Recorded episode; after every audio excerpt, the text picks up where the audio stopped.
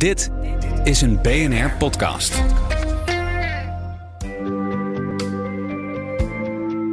Wetenschap in het kort met Carlijn Meinders. Zelfs voordat taal tot onze beschikking staat, halen we al plezier uit elkaar een beetje voor de gek houden, grapjes maken en plagen. Nu vroegen onderzoekers zich af of dat plaaggedrag, wat mensen al laten zien als ze nog piepjong zijn, ook voorkomt bij apen. Grappen maken lijkt misschien makkelijk, maar er is flink wat sociale intelligentie voor nodig en de vaardigheid om vooruit te kunnen denken. Behoorlijk knap dus dat mensenbaby's zo jong als acht maanden al een beginnetje van dit gedrag laten zien. En nu blijkt uit nieuw onderzoek dat dit ook voor apen geldt.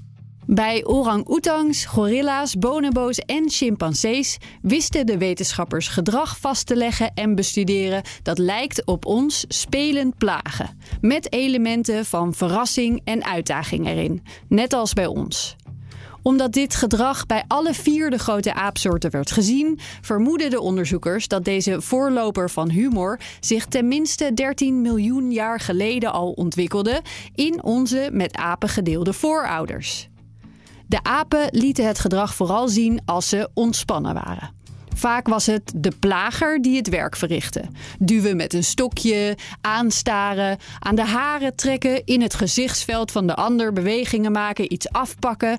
Het leek allemaal behoorlijk op wat wij als kinderen doen. Onderzoekers als Jane Goodall hadden eerder al opgemerkt dat dit soort gedrag voorkwam onder chimpansees.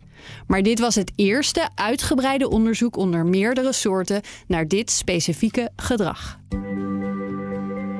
Wil je elke dag een wetenschapsnieuwtje? Abonneer je dan op Wetenschap vandaag. Luister Wetenschap vandaag terug in al je favoriete podcast-apps.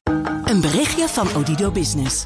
Hoe groot je bedrijf ook is of wordt, bij Odido Business zijn we er voor je. Met unlimited data en bellen en met supersnel en stabiel zakelijk internet. Ook via glasvezel. Ontdek wat er allemaal kan op odido.nl/business. Het kan ook zo.